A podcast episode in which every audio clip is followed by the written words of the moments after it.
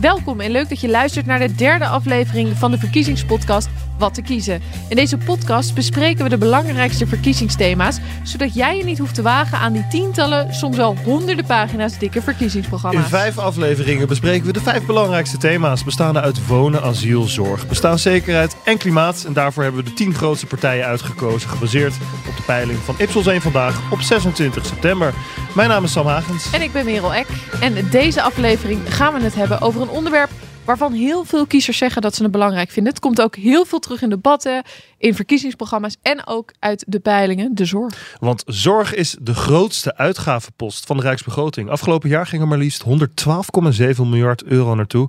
En dat terwijl er steeds meer mensen zijn die uit angst voor hoge rekeningen de zorg mijden. Ja, en ondertussen zijn er ook enorme tekorten in de zorg.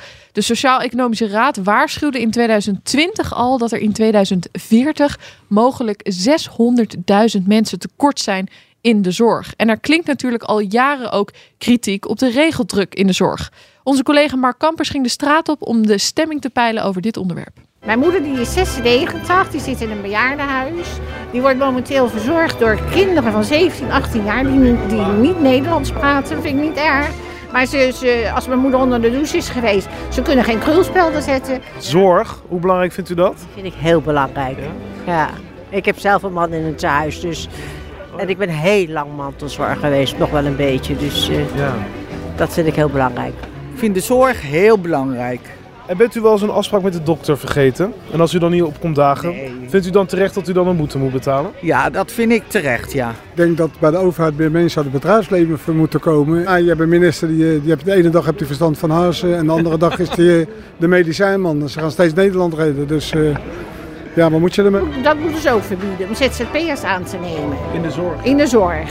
En, eh, want anders die mensen die kunnen zo makkelijk ontslag nemen, worden ze ZZP'er. En dan gaan ze weer terug naar hetzelfde verzorgingshuis als ZZP'er. Ja. Ja. Wat gezellig daar, met die orgelmuziek op het de draaiorgel inderdaad. Ja, maar heel veel onderwerpen die eh, passeren. Laten we even beginnen met het onderwerp waar partijen veel over zeggen, eh, maar ook mee in de maag zitten, namelijk die zorgkosten. Je zei het al, die zijn enorm hoog. Die stijgen, die stijgen, maar in de betaalbaarheid komt daarmee ook in gevaar. Eh, sterker nog, voor sommige mensen is het gewoon al te duur. Hoe willen partijen er nou voor zorgen dat mensen hun zorgkosten straks nog kunnen gaan betalen? Wat opvalt is dat alle partijen beginnen over het eigen risico. Het is nu zo geregeld dat iedereen sowieso een eigen risico van 385 euro heeft. Dus dat betekent de eerste kosten voor zorg zijn vaak voor eigen rekening. Maar je kan ook zelf kiezen ervoor om je eigen risico te verhogen. Dan wordt je premie, dus wat je maandelijks betaalt, wordt dan wel lager. Maar heb je dus wel hogere kosten als je toch een keer naar het ziekenhuis moet bijvoorbeeld. Ja, en partijen eh, verschillen nogal van mening over wat te doen met dat eigen risico.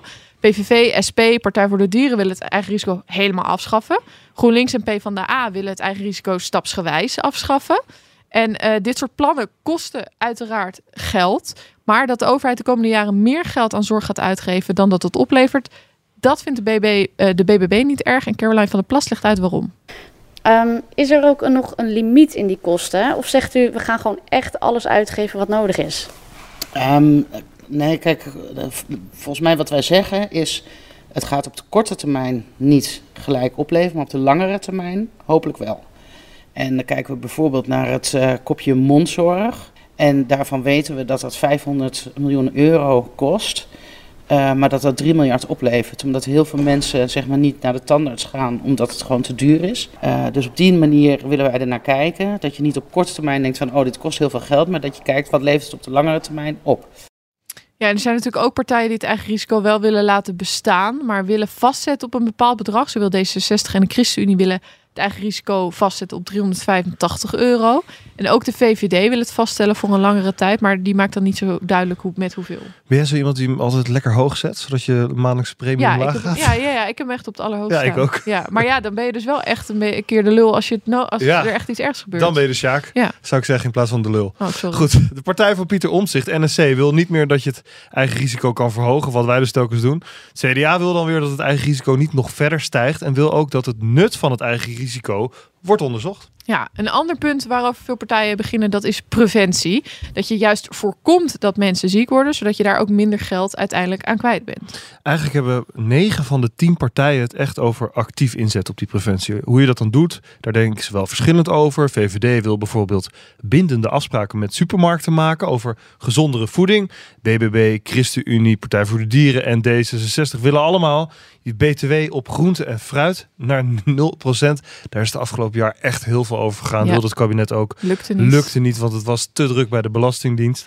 Andere partijen hebben het dan ook weer, weer over het kijken naar reclames die ongezonde dingen aanprijzen. Ja, en dan is er een partij, de PVV, eh, die zegt: hè, je kan als overheid wel voorlichten, maar blijf vooral af van wat mensen eten en drinken. Dan mogen ze zelf betalen, bepalen, die betutteling. Andere partijen hebben het daar ook wel over, maar die hebben het dus wel meer over echt actief inzetten met regels op preventie. Ja, maar hoe kan het dan dat deze maatregelen er uiteindelijk voor gaan zorgen dat de boel minder geld kost? Nou ja, dat is het idee dat het dan minder geld gaat kosten. Maar het is nog maar de vraag of dat gaat lukken. Want een grote oorzaak van die oplopende kosten is ook de vergrijzing. Hè? Daar kan je natuurlijk niet zoveel aan doen. Dat betekent ook steeds meer mensen die zorg nodig hebben. Maar wel steeds minder mensen die de zorg kunnen gaan leveren. Ja, dat is ook een belangrijk probleem, eh, een groot probleem in de zorg. Tekorten. In 2020 werkten er 1,4 miljoen mensen in de zorg en naar schattingen zijn er 2 miljoen nodig in 2040. Partijen zien een aantal oorzaken van dat tekort dat ze willen aanpakken. Eh, bijvoorbeeld het salaris. Ja, daar gaat het de laatste ah, jaren echt heel erg veel over. Dat salaris van het zorgpersoneel. Dit jaar kwam er wel redelijk goed nieuws voor het zorgpersoneel wat dat betreft. Want de cao's werden vernieuwd. En daar kwam een salarisverhoging ook bij voor zowel ziekenhuispersoneel als verpleegkundigen. Ja, maar dan is natuurlijk altijd de vraag: is dat wel genoeg?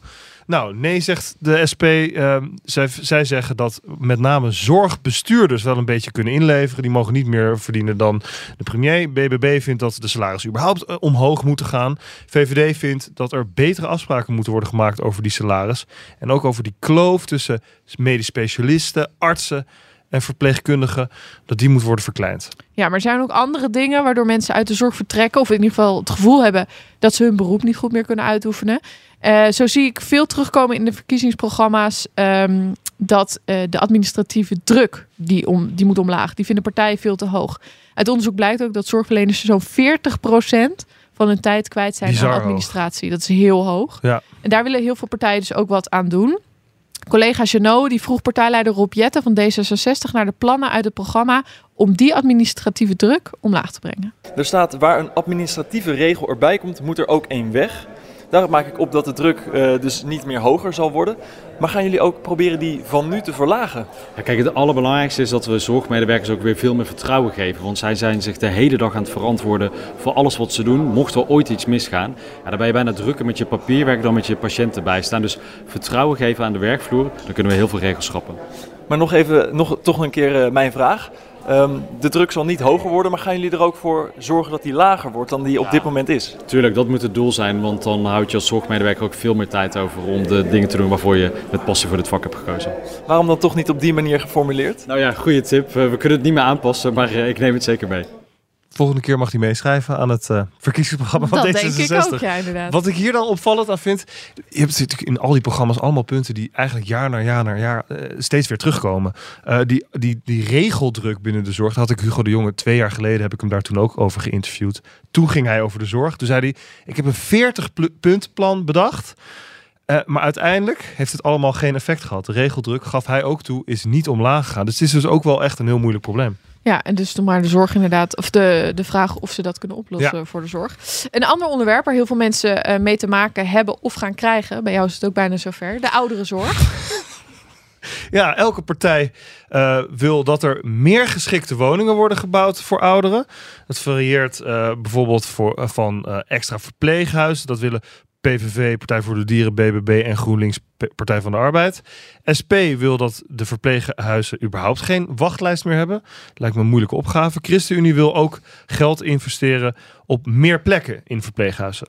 D66, NSC en CDA die willen juist kijken naar een vorm van wonen die buiten de verpleeghuizen kan. Ja. En dan blijven de verpleeghuizen nog wel voor mensen die het echt nodig hebben. Maar zij focussen zich dan bijvoorbeeld vooral op woonzorgcombinaties. Ja, en ouderen die zo lang mogelijk zelf thuis willen blijven wonen, ja, daar- ja, daar is natuurlijk eh, ja, iedereen het wel mee eens. En iedereen heeft daar ook wel een plan voor om meer in te investeren. Ja. Ja, dan gaan we even naar mijn favoriete deel van het land. De regio. Yay. Ja. Eh, want, niet met een hele leuke reden trouwens, want er lijkt er steeds meer Oh. zorg eh, te verdwijnen. Ja. Eh, kijk bijvoorbeeld naar het streekziekenhuizen. Laatst was er een, grote demonstratie bij het ziekenhuis in Heerlen, waar de acute zorg dan weer dreigt te verdwijnen. Ja, daar hebben ze te maken met een groot personeelstekort, waardoor ze geen goede zorg meer kunnen leveren. Wat betekent dat in de praktijk? Dan verdwijnt dus de spoedeisende hulp en ook bijvoorbeeld de kraamzorg, zoals ja, ook al op andere plekken in het land gebeurt. Ja, en alle partijen zeggen eigenlijk die streekziekenhuizen die moeten blijven. Hè, want er moet acute zorg ook dicht bij mensen blijven. De ChristenUnie wil bijvoorbeeld extra geld naar ziekenhuizen in dunbevolkte gebieden. De VVD heeft het over het aanscherpen van regelgeving om dan belangen van de regio beter te waarborgen. En ook het CDA die wil eigenlijk dat de overheid daarop meer regie pakt. D66 we hebben op dit moment de minister op deze post, Ernst Kuipers, is in principe ook wel voor het behoud van streekziekenhuizen. Ze maken wel een soort voorbehoud. Ze zeggen ja, als de kwaliteit van de zorg niet meer gegarandeerd kan worden, dan kan dat wel mogelijk betekenen dat zo'n ziekenhuis wel dicht moet. Dus als er te weinig personeel is. Ja, wat je dus in Heerlen hoort eh, bijvoorbeeld. Ja, eh, concluderend, het is niet alleen de grootste kostenpost van de overheid. Het is ook een ontzettend ingewikkeld thema in verkiezingsprogramma's. Wat ook nog meespeelt is, hoe los je die problemen dan eigenlijk op? Wie is eigenlijk hier de baas die het echt op kan lossen? Kan de overheid eh, zomaar met wetgeving ingrijpen? Of zijn die zorgverzekeraars toch eigenlijk supermachtig? Ja, daar zit wel de crux. De politiek bepaalt bijvoorbeeld wel wat er in het basispakket staat. Maar die zorgverzekeraars, dat blijven toch gewoon bedrijven die tegelijkertijd een grote verantwoordelijkheid dragen. Zij moeten zorgen voor kwalitatief voldoende en betaalbare zorg. En wat betekent dat uiteindelijk? Niemand is echt de baas. Moet er dan meer regie, zoals je zei, en het CDA zei dat net al over die streekziekenhuizen, moet er dan meer regie naar Den Haag? Nou, de meeste partijen laten in hun programma's wel doorschemeren dat ze met regelgeving iets meer regie willen naar Den Haag. SP gaat dan wel iets verder daarin. Zij noemen een nationaal zorgfonds. Dat betekent dat de zorgverzekeraars helemaal verdwijnen en dat alles door de overheid eh, wordt geregeld ook uiteindelijk. En dat betekent dat je echt overstapt naar een ander stelsel. Maar dat betekent in de praktijk ook Heel weer duur. heel veel geld. Dat kan tientallen miljarden opleveren. Ja, maar dan moet je nagaan inderdaad. Ja, de, het is echt Dus wat is de oplossing? Die is er niet. Eh, nee, ja, dit is heel complex. En Ja. het raakt dus allerlei verschillende onderwerpen. Dat is ook gelijk een disclaimer. We hebben natuurlijk lang niet alles besproken. Eh, heel veel belangrijke onderwerpen zijn nog eh, niet besproken. Denk aan de jeugdzorg, de GGZ, gezondheidszorg met enorme wachtlijsten. Eh, eh, medisch-ethische dilemma's, hè, euthanasie, abortus, dat soort dingen. Het staat natuurlijk wel allemaal in de partijprogramma's. Dus ga vooral op zoek daarnaar als je dat belangrijk vindt op de website van de partijen zelf. Dat was een voor zorg. Dan is het nu, zoals al elke keer, tijd aan het eind van de aflevering voor wat leuks. Verkiezingsprogramma moet je ook zien als een wensenlijst. Nou ja, goede tip. We, kunnen het niet meer aanpassen. Is het dan weg met de sushi, weg met de pizza en de stamppot terug op tafel? Nee joh. Meer oog voor elkaar en minder voor de smartphone. Hoe zien we dat voor ons? Als het lukt zonder de VVD, heel graag. Welke ga ik u zeggen? Dankjewel. En ik hoop dat je ook precies dit stuk dan gaat uitzenden. Gezin is belangrijk. CDA is gezinspartij. Ja, want er stonden weer allemaal opvallende dingen in de verkiezingsprogramma's. Eh, zoals bijvoorbeeld eh, bij NSC eh, en ook eh, GroenLinks PvdA. Die besteden aandacht aan de vormen van een, het vormen van een nieuwe regering in hun partijprogramma. Zo geeft Omzicht aan open te staan voor een minderheidscoalitie. Waarom staat u daarvoor open? Nou, op dit moment zien we totaal dichtgetimmerde regeerakkoorden. En dan zie je dus dat eh, de coalitie eh, men eigenlijk van tevoren al heeft afgesproken wat de uitkomst van een debat is. Nou, als je een minderheidsregering hebt, dan kun je dat niet doen. Je kunt nog wel steeds eh, voor het debat natuurlijk met de oppositiepartijen praten van joh, wat hebben jullie nodig? Dat is op zich niet zo spannend. Maar we denken dat je daarmee een wat opener, eh, opener debat krijgt. En misschien hopelijk wat meer focus op de problemen die in Nederland liggen en de oplossing waar we het over eens zijn. En dat je niet denkt dat je dat alleen in informatie eh, kunt, eh, kunt regelen. Het lijkt ook bijna wel de enige optie, hè? Nu, een minderheidscoalitie. Ja, het wordt heel moeilijk om een meerderheid te vinden. En eh, het voordeel daarvan is wel veel democratischer, omdat elk punt besproken wordt in de Tweede Kamer. Ja, het is niet dichtgetikt door die coalitie. Dus je weet eigenlijk niet van tevoren of een plan het echt gaat halen, ja of nee. Nadeel is dat het allemaal veel langer kan gaan duren. Nog En- langer. Ja, nog langer. En je merkt toch ook wel aan Pieter Omtzigt dat hij er misschien ook al wel een beetje voorzichtig op voorsorteert. Hij zegt de hele tijd: we moeten niet rekenen op eh, directe oplossingen volgende week. Nee, Dit niet is binnen echt- vier jaar. Dit gaat echt heel lang duren allemaal. Iets anders wat opviel bij de ChristenUnie in hun programma. Zij willen allemaal nieuwe ministersposten. In totaal zijn het er vier. Collega van Beurden vroeg Mirjam Bikker ernaar. En wat betreft eh, de ChristenUnie komen er eh, ongeveer vier ministers bij. Eentje voor het gezin, voor volkshuisvesting, voor ruimtelijke ordening en eredienst. Past dat wel allemaal in vak K? We gaan uh, natuurlijk heel goed kijken. Er zullen ook dan ministers net een andere functie hebben. Maar wat ik belangrijk vind is dat we hier benoemen wat Nederland heel hard nodig heeft. En zo'n uh, zo'n minister voor het gezin, komt er dan ook een staatssecretaris voor gescheiden ouders? Nee joh, die horen daar gewoon bij. Het gaat om families. En uh, dus deze, deze minister zorgt er juist voor dat we voor welk gezin dan ook, in welke samenstelling, echt zorgen dat het beleid ook daarop past. En nu is dat te vaak niet zo. Nog meer ministers. Nog meer. Dit was hem weer. Uh, bedankt voor het luisteren. Volgende aflevering praten we hierbij over alles rondom bestaanszekerheid. Tot dan. Dit was Wat te kiezen, een podcast van Hart van Nederland. Redactie en verslag door Hanna Warner, Jano van Beurden en Mark Kampers. Productie is gedaan door Daniel Bom en de grafische vormgeving komt van Daniel Bohus.